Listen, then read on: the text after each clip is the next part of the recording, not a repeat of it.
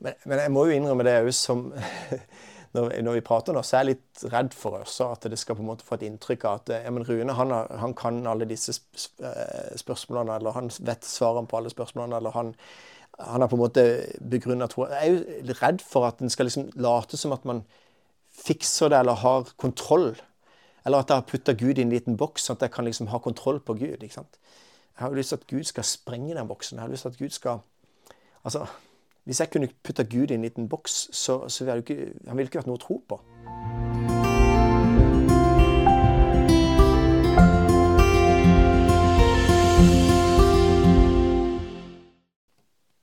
Dette er Pastorpodden, en podkast fra Frikirken. Jeg heter Jostein Ørum, og nå sitter jeg og venter på dagens gjest.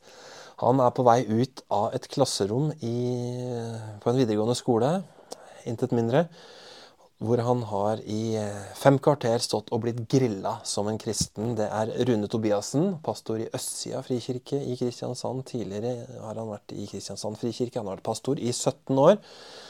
Og um, han brenner for å dele tro på ene eller andre måten, enten vi kaller det apologetikk, vitnesbyrd eller hva som helst. Og dette er jo ting eh, man som pastor kunne gruble litt på.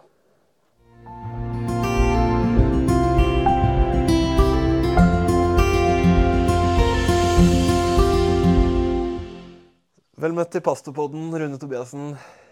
Takk for det. Det er jo skikkelig stas. Ja, det er stas for ja. Eh, oss å ha besøk her av deg. Jeg har jo fått hørt alle podkastene, så det er jo litt gøy å følge med, egentlig. Ja. Så ulike gå, perspektiv. Ja, Så nå kan du gå hjem og høre på deg selv etter denne her? ja, Den kommer ikke til å bli hørt, for å si det sånn. Nei, ok, Du er sånn type, ja? jeg kan ikke høre på meg sjøl. Nei. nei. nei. Skjønner. Er det fordi at du ikke finner feil, eller er det fordi at du ja, Du er rett på sak. Du går rett på sak. Nei, jeg kjenner jo på det at en henger seg opp i de tingene man kunne gjort annerledes og gjort bedre. Så jeg er nok en litt perfeksjonist som. Eh, så jeg bare åh, Eller jeg kan liksom gå liksom og kjenne på Hvorfor sa jeg det? Eller hvorfor Ikke sant? Men, men allikevel så er jeg blitt såpass trygg nå som 45-åring at jeg får lov til å bare Ja, men sånn er jeg. Og så, så er folk takknemlige for den jeg og så får jeg lov til å bety noe. Men men å høre på seg sjøl, det Det er ikke der du finner oppbyggelsen? Nei. Nei, men du, du, du, er egentlig rett ut av klasserommet nå. Altså, du, du ja. kommer halsende inn i, i, samtalen her rett ut av en helt vanlig videregående klasserom. Fortell ja. litt om det. Hva har du gjort der?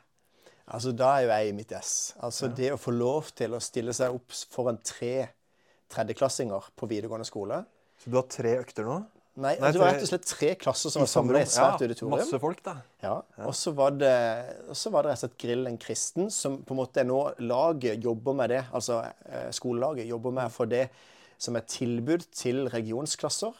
Fordi at de skal få et innblikk, de skal, skal kunne stille spørsmål i møte med ulike religioner osv. Derfor møter de bl.a. kristne. Mm, så Grill en kristen det er et konsept, det nå? Ja. Yes. Og så er det blitt et konsept også inn i møte med, dem. For vanligvis har det kanskje vært studentlaget eller sånn som har hatt det i eh, invitert i fritimer eller sånne ting. Men, men nå, her er det altså i, som en del av undervisninga til religionstimen. Så, så det, er det, var, bare, det, er ikke bare for de spesielt interesserte i laget, men det er for rett og slett obligatorisk for uh, Ja, for klassene. Ja. Og det har vært eh, Det er jo fantastisk men for oss som ikke har vært med på det her, da, Rune, som ikke har vært i auditoriet foran deg nå, hva er det som skjer inni en sånn grill, en kristenøkt? Altså inni mitt hode, eller i selve settinga? ja, begge deler. Er litt, når du svarer sånn, er jeg litt nysgjerrig på begge deler. Ja, nei, altså På en måte så kan du være litt sånn skremt. ikke sant? Altså, ja. selv, for du vet jo aldri hva du får spørsmål om. Så, sånn sett I huet mitt så skjer det jo litt sånn at man tenker at, at eh, Tenk hvis jeg får spørsmål som ikke jeg forstår, eller ikke kan klare å gi et godt svar på. men men jeg har fått en fred i møte med det for min egen del. Men akkurat den stemninga som er i, i settinga der, er jo egentlig at I begynnelsen er det nok litt sånn at de skal være ute til å ta meg. Mm. Og så ser de at jeg ønsker bare å være der. Ja, for, for, du har gjort det her noen ganger nå? Eller? Ja, akkurat i den settingen hvor det har vært obligatorisk på en ja. måte med religionsklasser, så er det et ganske nytt konsept i laget. Ja. Men, men, jeg har blitt grilla ganske ofte eh, som kristen. Så det, det, på en måte er trygge. Så mm. det, det, har ikke noe bety hvilke spørsmål som kommer. Uh, og jeg, jeg, ikke, jeg, kjenner litt på Blir jeg klam i hendene eller ikke? Ja. Uh, hvis jeg får spørsmål om det verste spørsmålet du kan få, så, så kjenner jeg at jeg blir ikke klam i hendene. Nei, jeg, jeg, er forbi det. Jeg er forbi det, og så kjenner jeg at jeg har satt ord på det så mange ganger. Mm.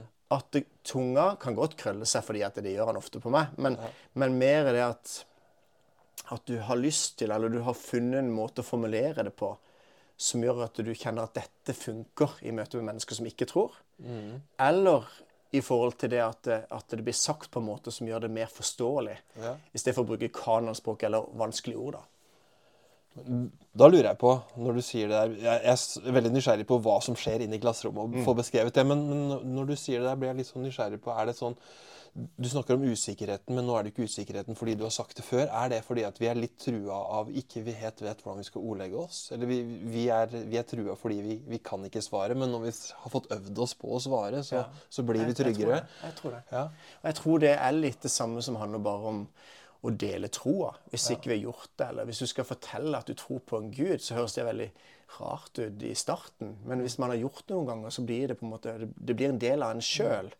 Og det som er litt viktig for meg, at dette er noe som er forankra, det er en integritet. Det er på en måte, det er meg. Og hvis ikke, hvis jeg skal ta på meg noe og si noe som ikke er helt meg, så blir det klamt. Hvis jeg skal sette ord på troa, aldri gjort det før, så blir det klamt når jeg setter ord på troa til min kamerat. Men hvis jeg har gjort det noen ganger og kjenner at jeg er trygg, så, så er ikke det at jeg blir arrogant, men jeg kjenner på en, mer sånn, jeg kjenner en trygghet da. Og den tryggheten tror jeg klarer å formidle. Og Derfor handler jo det litt ut ifra en erfaring jeg har gjort det flere ganger. Og da må en jo få det en gang, en må jo øve på det. Men, men det å stå sammen med noen andre erfarne, hvis jeg har med meg noen som ikke er så erfarne, så kan vi stå sammen, og så skaper vi den tryggheten sammen. Og så blir det flere som blir trygge på å kunne formidle den, eh, formidle troa, da. Ja, for det, Dette er jo litt det som skjer inni deg, og hvordan du opplever det, og trygghet og utrygghet. og sånn. Men hva, hvis du skal beskrive det som skjer fra du kom inn i dette klasserommet i dag, hva, hva, hva skjer liksom? Nei, altså, jeg tipper jo de har forberedt noen spørsmål. Som lærerne deres har sagt at da skal dere være For det står det i fagplanen at de skal på en måte være kritiske eller stille spørsmål i møte med andre livssyn. Og Det er derfor det er litt stilig at laget på en måte legger til rette for denne biten. At det, de, de kan vise at dette står i, i fagplanen, så, så gjør det. Og så får vi, en anledning da til å, å si noe. Opplever du at det er velvilje i blikkene når du kommer inn der, eller er det, Ja, skal de ta deg? Ja, de, de, Det er nok litt sånn i starten at de skal ta meg. Kjenne, altså, men jeg kjenner likevel på at eh, når en ser det dypt inn i øynene, så møter et menneske, og hvis jeg tar det på alvor, så, så, så tar de en på alvor tilbake igjen. Hvis jeg hadde vært litt sånn overfladisk, eller eh, Det kan godt bare være min følelse, men jeg, men jeg ønsker å møte enkeltpersoner. Og ikke bare på en måte et spørsmål. Og For meg så er det viktig å se personen bak spørsmålet og tune inn på hva er det som på en måte rører seg her nå. Hvorfor stiller du det spørsmålet? Er det en genuin interesse for å få et svar på, på et vanskelig spørsmål, eller for hvordan jeg kan tro? Men, men Så da opplever jeg at mennesker er nysgjerrig. Selv om det kan være noen som tar det litt hardt av og til, så, så kan en møte det litt med Ja, det var veldig altså, er det kan- ja. fliring og fnising og sånn, eller er det ikke så mye det? Ja, kanskje, men jeg, jeg opplever der òg at selv spørsmål som kan være litt sånn sagt så at du, de andre klassekameratene ler. Eh, ikke sant? Fordi at det høres litt sånn, og så må man fnise litt av det. Så opplever jeg at eh, når jeg tar det på alvor, så lytter folk. Ja, for det er, har jeg forstått konseptet riktig, at det er ingen anonyme spørsmål? De stiller dem selv, liksom ansikt til Ja, ansikt? da, det gjorde de i denne settinga. sant? Men eh, i andre settinger kan du også ha sånn at du stiller spørsmål på mobiltelefonen og, og får inn spørsmål anonymt. Eh, kanskje mer i ungdomsgruppesetting eller et eller annet sånt. Så. Men Hva- det, det, er, det er fint. Ja, hva slags spørsmål har du fått i dag, eller hva slags spørsmål er typiske for en sånn uh, seanse? Nei, det er alt mulig. Det, har, det kan være alt fra en dinosaur, som på en måte står om dinosaurer i Bibelen, ikke sant? som jeg da bruker for å fortelle om at eh, det er ikke så vanskelig å, å kunne tro på både evolusjon og være kristen, eller ikke sant? Og, og utvide spørsmålene litt. Eller noen ganger så må jeg snevre det inn litt. Eh, det kan gå på eh, samlivsetiske spørsmål. Det er egentlig ganske vanlig å få som innvending mot kristen tro, er hvordan vi forholder oss til samlivsetiske spørsmål, f.eks. Mm, dere i kirka, liksom? Ja, Ja. ikke sant? Eh, De har hørt mye gjennom media eller andre ting. Sant? Og da, for meg så er det viktig da å Og det faktisk høres litt rart ut, men, men jeg liker veldig godt å få det spørsmålet. Jeg ønsker det bare litt, litt uti for å kunne få bygd en plattform først. Og så kan jeg være der med meg sjøl. Eh, møte med, med den smerten det er i møte med sånne spørsmål. Eller at jeg har ikke tenkt å fortelle hvordan andre mennesker skal leve. Eller jeg ønsker ikke å Der ønsker jeg å respektere at andre har et annet syn enn meg, ikke sant? og så videre. Så kan jeg legge en plattform, og så sier jeg men jeg tror. Og så får en respekt for det, fordi jeg respekterer andre i deres syn. da. Disse spørsmålene som ungdommene kommer med, er det, er det på en måte Opplever du at det er genuin søken bak det, eller er det mer sånn teknisk at de skal debattere og Nei, Det er alltid noen som ja. står igjen litt etterpå, og litt ekstra. Denne gangen så, så fikk jeg lov til å bare gi boka mi, da, fordi at eh, jeg har med meg den litt for å kunne Ja, for du har skrevet en bok Ja, om å dele tro.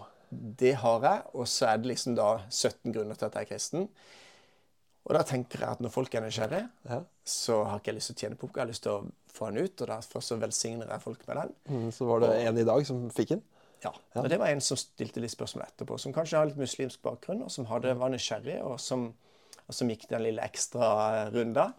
Eh, og da sa jeg at nå, du har skikkelig gode spørsmål.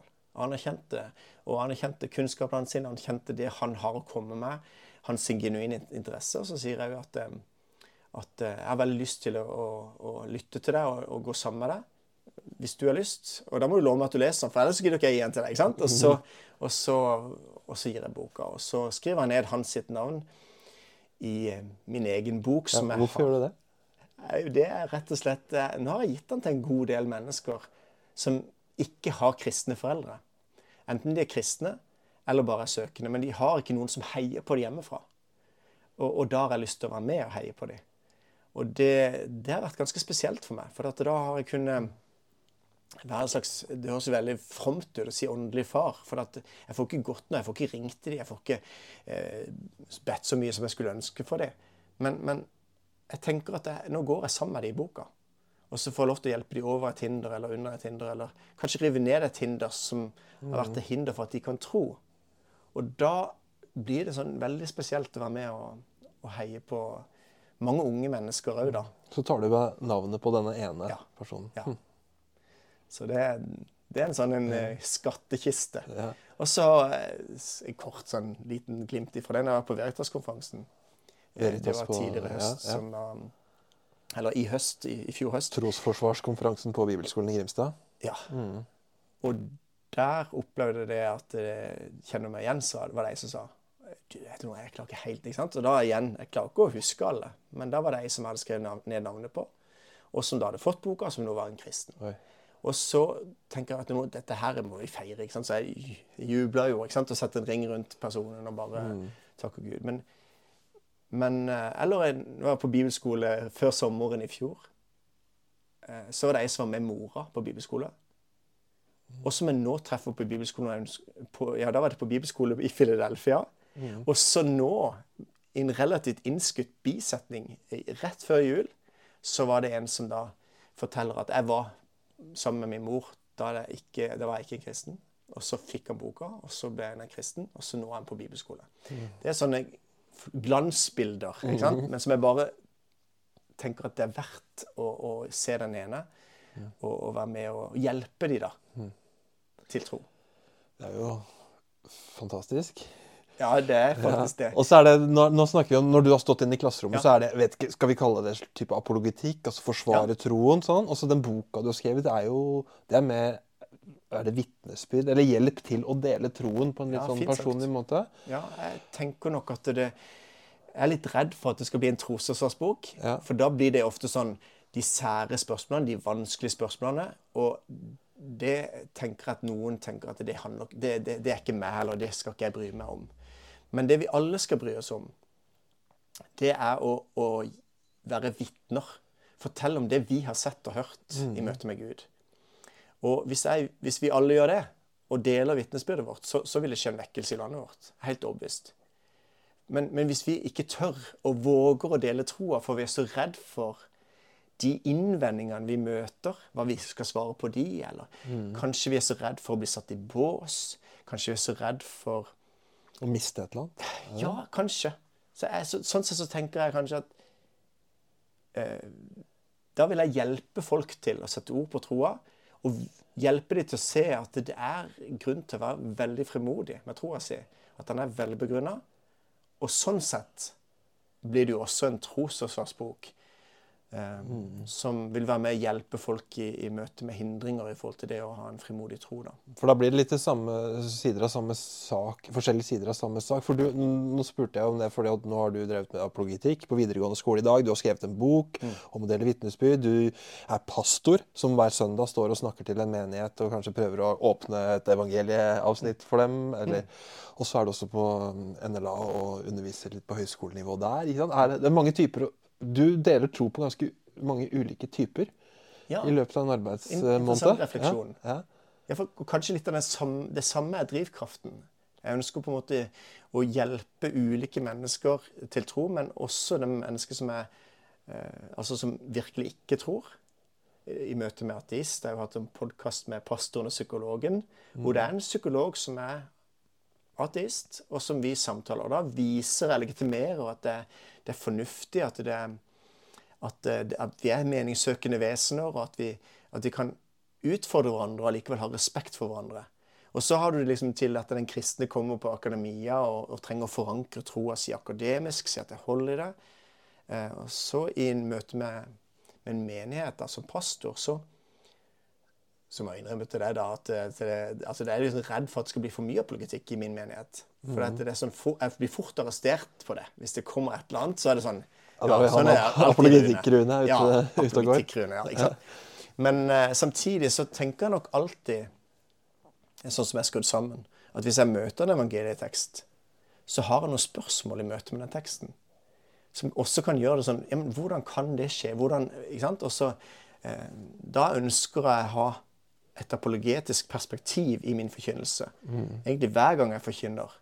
Ja. Hvilke spørsmål stiller naboen som kommer inn nå på gudstjenesten? Hvilke spørsmål stiller han? Hvordan, hva tenker de kristne i møte med denne teksten? Sant? Og så, Så du vil på en måte uh, sannsynliggjøre sannheten i det kristne budskapet? Eller gjøre, kanskje. Ja. Mm. Uh, Skal forkynnelse alltid være det? Det skal jo ikke alltid være det. og Derfor så tenker jeg jo at uh, forkynnelse vil også ha et sjelesørgersperspektiv, f.eks. Så at jeg alltid tenker her er det noen som vil slite på dette feltet. Kanskje de trenger omsorg og trøst. Men, men jeg ønsker å møte med ulike perspektiv. Noen ganger så trenger man kanskje bare det å proklamere eh, og, og på en måte si sånn er det. Men kanskje jeg er litt redd for at, um, at vi på en måte bare skal si ut fordi det står i Bibelen. Eh, Jeg syns det er utrolig fint å, ha, å vise en sunn fornuft eller allmenn argumentasjon som samstemmer med Bibelen, og som gjør at det også er fornuftig og troverdig. Ja. At det henger sammen. da. Er du sånn som alltid har sk- leter etter fornuften i ting opp igjennom i livet? Ja, det tror jeg nok. Ja. Det tror jeg nok. Jeg har alltid stilt spørsmål. Det er ikke så følelsesstyrt?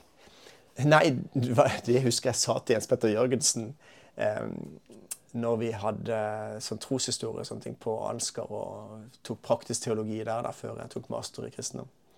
Så da sa jeg bare at ja, men jeg er ikke så følelsesstyrt, sa jeg. Og så på en måte mens jeg forteller dette, så, så har jeg pasjon og engasjement og så. Og så bare tar han speilet opp, og så sier han Hva er det jeg ser nå? Ja, okay. Så ble jeg liksom litt sånn svar skyldig, for, for det, var, det var masse følelser. Og, men jeg tror det er mer det å At det ikke på en måte bare handler om at jeg kan velge å tro, for det gir meg en trøst osv. Jeg vil ikke tro på det. Jeg vil si som Paulus at hvis ikke Kristus er oppstått, så er vår tro ingenting. Så selv om det gir meg en trøst, hvis ikke det er sant, mm. så vil ikke jeg ha den trøsten. Nei. Da vil jeg face det at vi ligger og råtner i grava når vi dør, og så er vi ferdig. Det, altså, jeg har ikke behov for en trøst, men det er en ufattelig trøst når det er sant. Så derfor så blir det sånn for meg at eh, jeg har ikke behov for alltid å tenke fornuft. Jeg skal ikke liksom Jeg skal ikke forstå Gud. Eh, altså han, han, kan forklare, han kan forsvare seg sjøl, og jeg kan aldri forstå Gud eller putte han i en liten boks. Men det, men det er mer det at eh, hvis mennesker gjør det når de ikke tror på Gud, eller de sier at 'jeg kan ikke tro på Gud for sånn og sånn', og sånn, så vil jeg bruke mitt hode til å si at det er for enkelt, eller arrestere de innvendingene. da. Eh, Så jeg håper at ikke At det på en måte er sånn at eh, jeg skal forstå alt, men, men det er mer den undringa, mer den søkende, som, som har vært gjennom hodet, da. Så eh, det tar, jeg skriver faktisk litt om i boka, fordi at nå, nå prater jeg litt mye her, men i hvert fall så tenker er jeg derfor du er der. jeg tenker i hvert fall at det noen ganger så har jeg vært litt sånn mista frimodigheten når det gjelder dette med apologetikk. Fordi at det, noen sa det at Rune, du har sånn hodekristendom. Du har møtt en uh, Ja. beskyldningen, ja. Ja, og det er kanskje mange år siden. Og så fant jeg ut at eh, min vei til hjertet er gjennom hodet. Men når jeg skriver boka nå, så syns jeg det blir altfor snevert. For eh, Bibelen utfordrer oss til at vi skal elske Herren vår Gud av hele vårt hjerte, hele vår sjel og all vår forstand. ikke sant? Og da tenker jeg egentlig at eh, det handler ikke bare om å ha Jesus i hjertet. Det handler om å ha han overalt.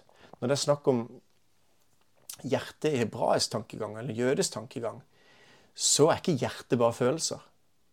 Der er hjertet det sentrale i mennesket, som livet går ut ifra. Eller utgår fra det. Eh, Så der er på en måte fornuften, tankene, følelsene, alt det sentrale. Så noen ganger så mister vi den i oversettelsesproblematikken. At, det, at eh, du skal elske Herren i Gud av hele ditt hjerte, all din forstand og med all din makt, står det i Gamle testamentet. Men når det blir oversatt til Det nye testamentet, så, så sier Jesus med forstand. For da blir det sagt til grekerne, det blir sagt på gresk, og da var du nødt til å utvide begrepet.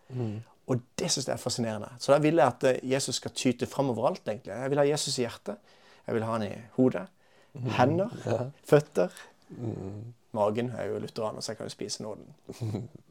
Bra. Har du, har du, møter du noen ganger folk som eh, sier at det er bra, vel, og bra det her under, men det betyr ingenting for meg om det er sant eller ikke. Jeg tror likevel. Det er, eh, jeg elsker Jesus uansett. Også sånn, som- det var Dostojevskij som sa det at hvis jeg en gang fant ut at eh, Jesus Kristus ikke er sannheten, så vil jeg velge Jesus Kristus likevel.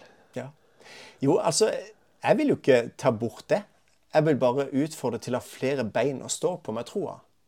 Og det er jo det som også er konseptet med 17 grunner til å være kristen. Det er jo egentlig Jeg møtte Torbjørn, eh, som jeg fikk lov til å skrive om i boka. Men jeg synes bare det var så fascinerende, for han har, hatt sånn eh, en all in-kar, eh, hvis en kan bruke det uttrykket, i forhold til å være et Jesus-etterfølger. Og var i Hillsong, eller Puls nå. Og, eh, men, men det som han erfarte i møte med koronaen, det var at når fellesskapet og lovsangen på en måte ble tatt bort ifra han, som var liksom pilarene i hans tro, så merka han at han fikk eh, liksom, Troa begynte å vakle. Og så nå jobber han med laget og på en måte og har profilert boka mi og vært veldig hei på den, for at han ser at han trengte det for sin tro. Flere bein å stå på. Flere bein å stå på. Så de som sier at det holder med at Jesus betyr alt, helt topp. Men, men kanskje din venn, da? Kanskje din kollega? Kanskje du for hans skyld skal utvide troen din til at du også kan se at det er fornuftig at det henger sammen. Og det, Derfor så har jeg lyst til å gjøre det, ikke bare for min del. Derfor så, Sånn som eh, du har jo eh, f.eks. leda et retreat og har på en måte en kontemplativ tilnærming på, på noe av dette med, med troa. Og, og der Det har ikke ligget naturlig for meg, men det har vært fantastisk å utvide troa mi på det området. Som jeg liksom, liksom gjort det uten å egentlig få så mye igjen for det i starten.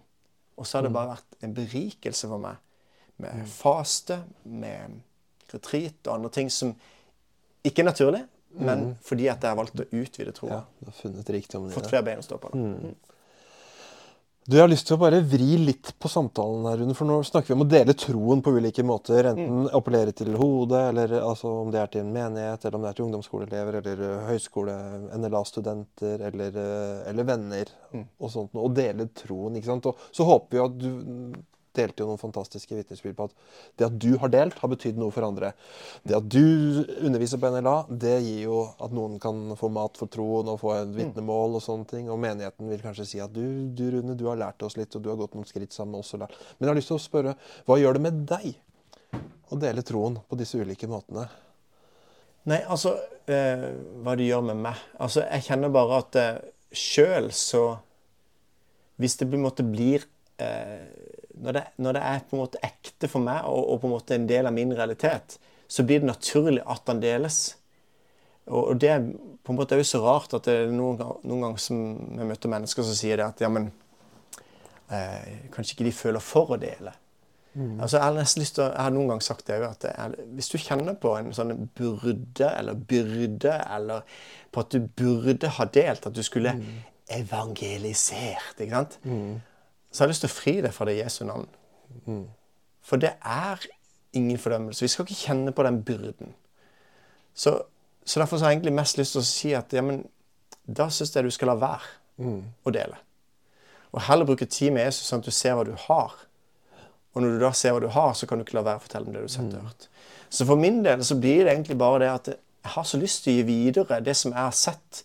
Og når jeg da hører noen snakke om et eller annet, så, så blir det det naturlige. At, eh, at eh, for meg så er det blitt så viktig at jeg hopper av Handelshøyskolen og økonomi. Og, for jeg ville fortelle dette videre, for jeg har sett noe. Jeg har hørt noe. Mm, Da gjør det jo noe med deg å fortelle det videre. Ja. Ikke sant? Du oppdager at her er det et eller annet som ikke er tomhet. Det er noe som har vært å leve for, satse et yrkesvalg på, om jeg hører deg riktig. da. Ja, så mening har vært viktig for meg. Og hvis dette, er, hvis dette er sannheten, og det gir meg mening med livet, så på en måte blir det naturlig at det går ut til andre.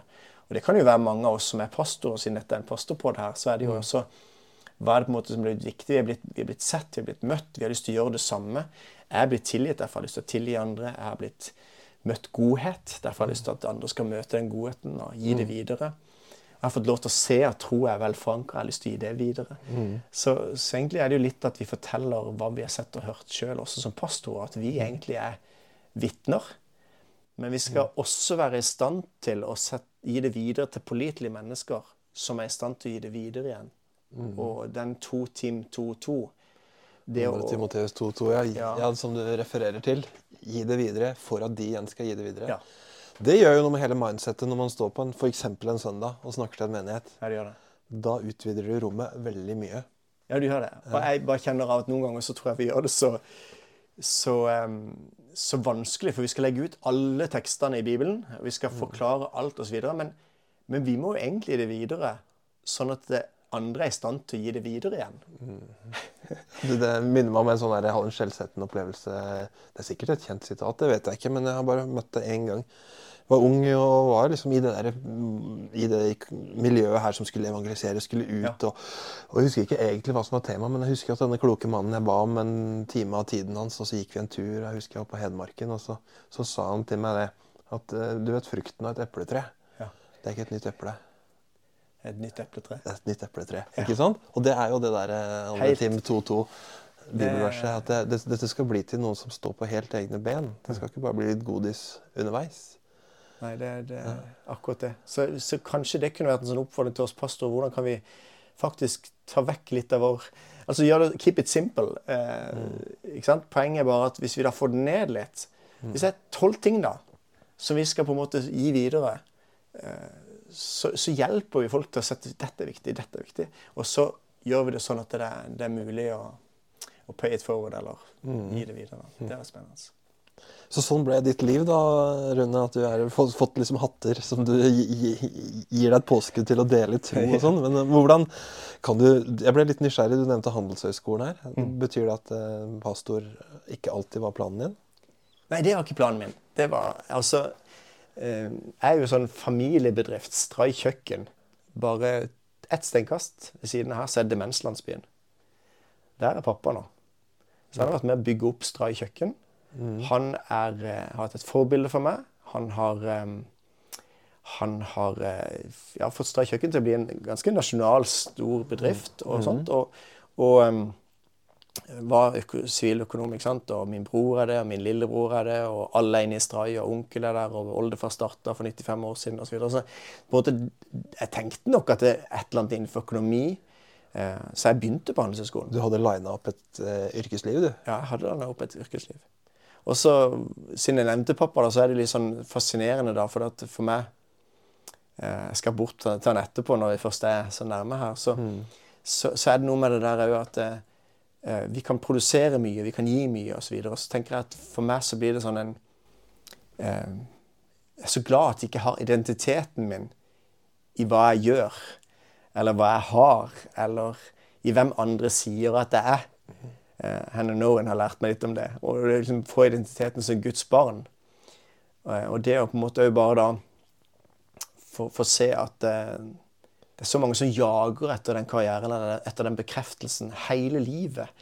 Enten det gjelder penger, sex eller makt, ikke sant? som vi ofte kan falle i som ledere eller andre. Det, det er sånne ting som, som jeg kjenner at eh, Jeg er så glad for at ikke det er det som er drivkraften. Men, men drivkraften er det at eh, jeg har fått lov til å bli bekrefta fått lov til å bli elska. Og så har jeg lyst til å gi det videre, for jeg ser at andre famler. Og, mm. og, og, det er ikke det at det alle liksom jager til karriere, men, men, det er mange som famler likevel i forhold til hva som gir verdi. Så for meg så ble det sånn mening med livet her. Eh, jeg kunne sikkert vært en kristen siviløkonom, men mm. jeg fikk på en måte et kall i forhold til dette med mening å være med og heie på kristne siviløkonomer til å være kristne der de er. Eh, og det skal noen sære og svære ja, pastorer. Ja, men alle skal vel ikke det? Det blir litt, Nei, litt slitsomt. Ikke. Nei, det er jo derfor som eh, Jeg tror det er kjempeviktig at det, noen blir kalt til det, og blir utskilt på den måten. Litt sånn sære folk, sånn som oss, og som på en måte er med på å heie. Eh, er det det pastortjeneste er i bunn og grunn? Ja, jeg tenker egentlig det. Ja. Um, jeg har, jo, jeg har, jo, lyst til at det skal være sånn at vi kunne vært noen forbilder. Jeg traff um, Ilaria i uh, et kloster i, i Egypt. Um, katolsk uh, nonne. Uh, og så bare liksom I min Hva skal jeg si Jeg har ikke kommet så langt i helliggjørelsen når jeg stiller følgende spørsmål. Er det ikke litt kjedelig? Liksom, ja, det er bra. Det er vinnerspørsmålet i et kloster. Ja. 24 timer liksom bare i et kloster hele dagen.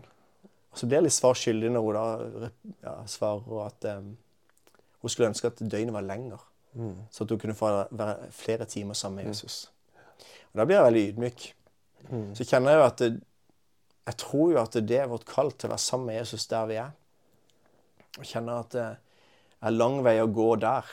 Eh, men jeg kjenner på en måte en dragning til det. At vi, vi gjør liksom livet på en måte det kristenlivet med en greie som en sånn tillegg til det vanlige livet, istedenfor å tenke at eh, Guds rike er her, og vi skal leve med Gud som far i det vanlige yrket. Men at vi som pastorer kan være med og minne om, eller være et slags kirkespir som peker oppover hele tiden. altså Som hjelper folk til å løfte blikket, hjelper folk til å heie på de i vanlige yrker, heie på de når de strever litt, eller være med og hjelpe de til å gi takken til Gud når, eh, mm. når, den, når de er glad for noe. Eh, jeg vet ikke. En måte å se det på.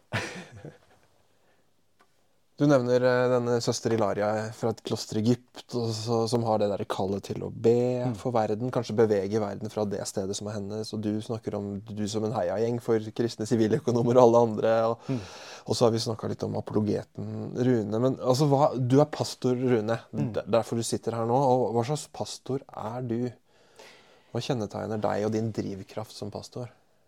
Nei, altså jeg tenker nok at uh, Hvis vi bare ser på at vi, får, vi har ulike kall, da, så er pastor på en måte én bit, men vi kan ha ulike fokusområder eller ulike Og da trenger vi hverandre med de ulike spisskompetansene, på en måte, eller ulike hjertesakene, eller ulike nådegavene, eller ulike Ikke sant? Så at ingen pastorer blir jo like. Uh, men på en måte jeg er så glad for at, eh, at sånn sett sjøl at ikke jeg trenger å være i det klosteret. Mm. Og så er jeg så utrolig glad for at jeg har Elaria som katolsk nonne, som har blitt kalt til mm. å på en måte være der og be. Mm.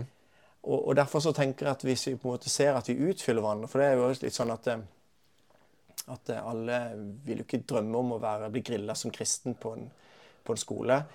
Um, men der er det jo også litt av det at det, kanskje noe av det viktige når en blir kjent med sine egne gaver, er også å se sine egne svakheter, og der man trenger å fylle på inn i teamet med andre personer. Mm.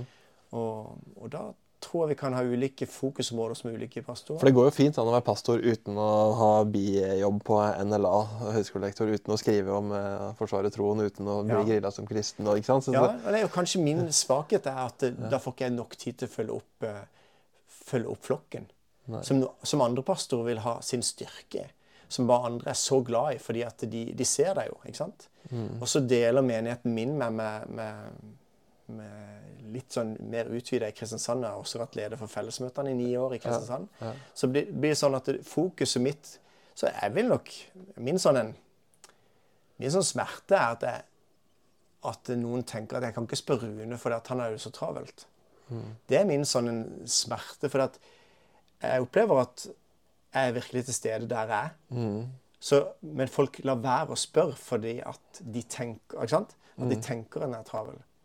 Eh, så, så, det opplever jeg kanskje mot min, sånn, min svake side, som faktisk ikke er så svak når jeg er til stede, men med det at de, jeg opplever som at jeg er travel. Det kan være en utfordring for oss kristne generelt, det. At vi aldri har tid til naboen eller stoppe opp. Men som pastor i en menighet så skal det alltid være rom for å komme og, og ta opp ting. Ja, for, for du har jo en utfordring der. Jeg hører jo det at du har en utfordring å si til menigheten at du, 'jeg er her'. Ja, det er en jeg har tid til deg. Jeg, livet mitt kommuniserer noe annet. Ja. Og så, så, er, så opplever jeg at de som gjør det, kommer jo, og så vil de oppleve at jeg har tid til dem. Men, men det er et eller annet som så det, jeg, setter så pris på og det var et pastorfellesskap som er, hvor det er så forskjellige mennesker. Og det å være pastor er ikke én type. Eh, så hvis jeg kan liksom karikere det litt, så tenker jeg litt at hyrden, da den gode hyrden som er der og samler inn alle, og på en måte er der og har omsorg og, og sjelesorg hele tida, så er ikke jeg den typiske pastoren. Nei. Men jeg er satt til å lede en menighet, og da kan andre ha den oppgaven. Men min styrke vil kanskje være det å administrere, det å undervise og det å Men, men da, hvis man er klar over det, så kan man fylle det ut i teamet. Så det var veldig viktig for meg å få Bjørg inn i teamet i, i lederskapet, for hun har bønn på sitt hjerte. Og når hun gikk ut, så måtte jeg få inn en ny som har bønn på sitt hjerte. Eh, noen som har misjon osv. Så, videre. så så eh, Knytte til seg folk som er annerledes enn seg selv, og ikke Ja. liker seg selv. da. Ja, det er kjempeviktig.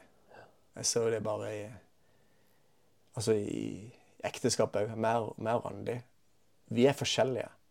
Og da, får- da får vi på en måte en konflikt ved oppvaskmaskinen. når på en måte, Hvordan den skal stables. For det, det vet ikke hun hvordan det gjøres. Nei. Så- Du må lære henne det. da. ja, jeg har prøvd mange ganger, men det er håpløst. Men, eh, men jeg opplever samtidig at eh, når vi da er forskjellige, så er det i disken, i denne atferdsprofiltesten DISK, så er det hun jeg skal ha for å kunne bli et bedre team. Så hvis man ser på de ulikhetene som at det er sånn Oi, her blir det en, en konflikt. Mer enn å se at det, vi trenger det for å utfylle og få enda bedre avgjørelser osv. Så, videre. så Så da er det fint å stå sammen med flere pastorer men også i menigheten, at vi som pastorer i lederskapene, i menighetsmøtene, ser det at noen er uenige med oss, som en velsignelse. Så at vi kan få ta en enda bedre avgjørelse. Det er viktig. Så har jo du vært pastor i mange år nå. Ja, Det er litt vittig å si. Jeg Ja. har faktisk vært i syv år i Kristiansand nå, og snart ti år Ja, i 17 år som pastor. Og eh, er det som du trodde? Jeg vet ikke hva jeg trodde, egentlig. For jeg, skal- jeg skulle jo ikke bli pastor. Jeg skulle bare eh, undervise i Bibelen. Men så jeg tror nok egentlig at det, det har vært mye mer spennende enn jeg trodde. Og mye mer variert enn jeg trodde.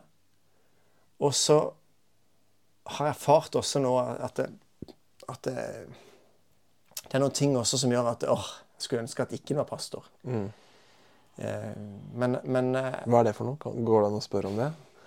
Med fare for å tråkke veldig nært her. Nei, det er egentlig mer den der biten som går på at eh, vi satt i en pastorbås, og det at man også skal da eh, på en måte bli eh, Hva skal jeg si Ha meninger om, om ting som du ikke har lyst til å ha mening om. Altså du skal Jeg har lyst til å ha noe på agendaen, men så har andre tanker om hva jeg burde hatt agendaen på. Enten det handler om aviser som ikke er kristne, og som ønsker å på en måte stille spørsmål eller sette andre ting på agendaen. Eller det handler om at det, det er bare noen andre som er opptatt av noe i menigheten, som gjør at de mener at jeg burde vært opptatt av det samme. Så Det er så vanskelig å finne ut av hva skal jeg bruke tida på. Så En ting som har hjulpet meg litt i det siste, er Martin Cave. Han var taler på fellesmøtene i Kristiansand, som jeg har vært leder for. Og da nevnte han noe som, eh, som jeg syntes var viktig å ta med meg. og Det var dette at, at jeg kobler meg på det Gud gjør. At ikke jeg skal på en måte få han til å velsigne det jeg gjør, men at jeg kan koble meg på det Gud gjør. Og, og da leite litt etter hva han gjør. Ja, For hvordan finner man ut det? Nei, og det, det, det er kjempespennende, men det er utrolig forskjell perspektiv på at det, nå har jeg funnet ut hva jeg skal gjøre, og så ber jeg om Gud velsigne det jeg gjør, versus det at du, hva, hva er det du vil i møte med denne personen her? For jeg kan, jeg kan ta folk, Hvis jeg møter et enkeltmenneske, så kan jeg ta gjennom hele evangeliet og hele skapelsen og alt mulig.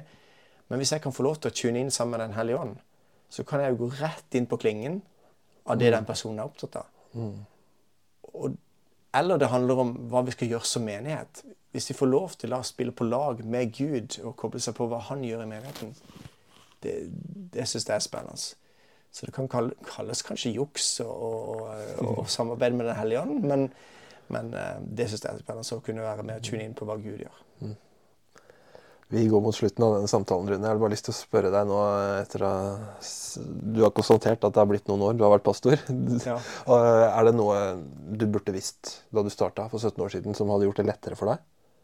Kanskje det som har vært fint, det har vært at, eh, at man har hatt noen som har gått foran, og hatt en mentor, og på en måte hele veien At jeg kan ha noen å stille spørsmålene, eller som kan se meg i kortene. Mm, har du det? Ja. Mm. Og det er viktig for meg. Ehm, det betyr at hvis jeg skal leve i lyset, så skal ikke jeg si alt alltid. Men jeg skal ha noen som kan se meg inn på de mest sårbare områdene. Så kan jeg få råd i forhold til hvordan jeg skal, hvordan jeg skal bruke mine talenter. og sånt. Og det, er, det, er, fint å ha noen å spare med. Mm. Vi trenger det. Vi trenger det. Vi er ikke så sterke som vi tror, noen av oss. Nei. Det skal sikkert, og det, det er jeg liksom litt redd for òg, hvis jeg kan si det på slutten her nå. at um, at liksom, han er så frimodig på troa og kjenner at det er svar der og svar der osv. Så, videre. så handler jo ikke det om at liksom, nå har kontroll på det. Det er jo bare i sine svake øyeblikk så kjenner man seg så ydmyk og liten og alt det der. Men, men det er mer at eh, kanskje vi har det på forskjellige steder. Eh, og, og, da tenker jeg at eh, eh den ektheten og ærligheten tror jeg er noe av det viktigste for at jeg kan kunne stå med integritet i den jobben jeg gjør. Eh, og sånn at jeg ikke på en måte begynner å gå på kompromiss med det. For da, da, da, vil det prege alle felt som pastor. Da vil det være sånn at jeg mister frimodigheten på alle felt. Det vil vi ikke ha noe av. Nei, det vil vi ikke ha noe av. Nei. Du, tusen takk for at du kom og tok deg tid til Pastorpodden, Rune Tobiassen. Så fint å være her.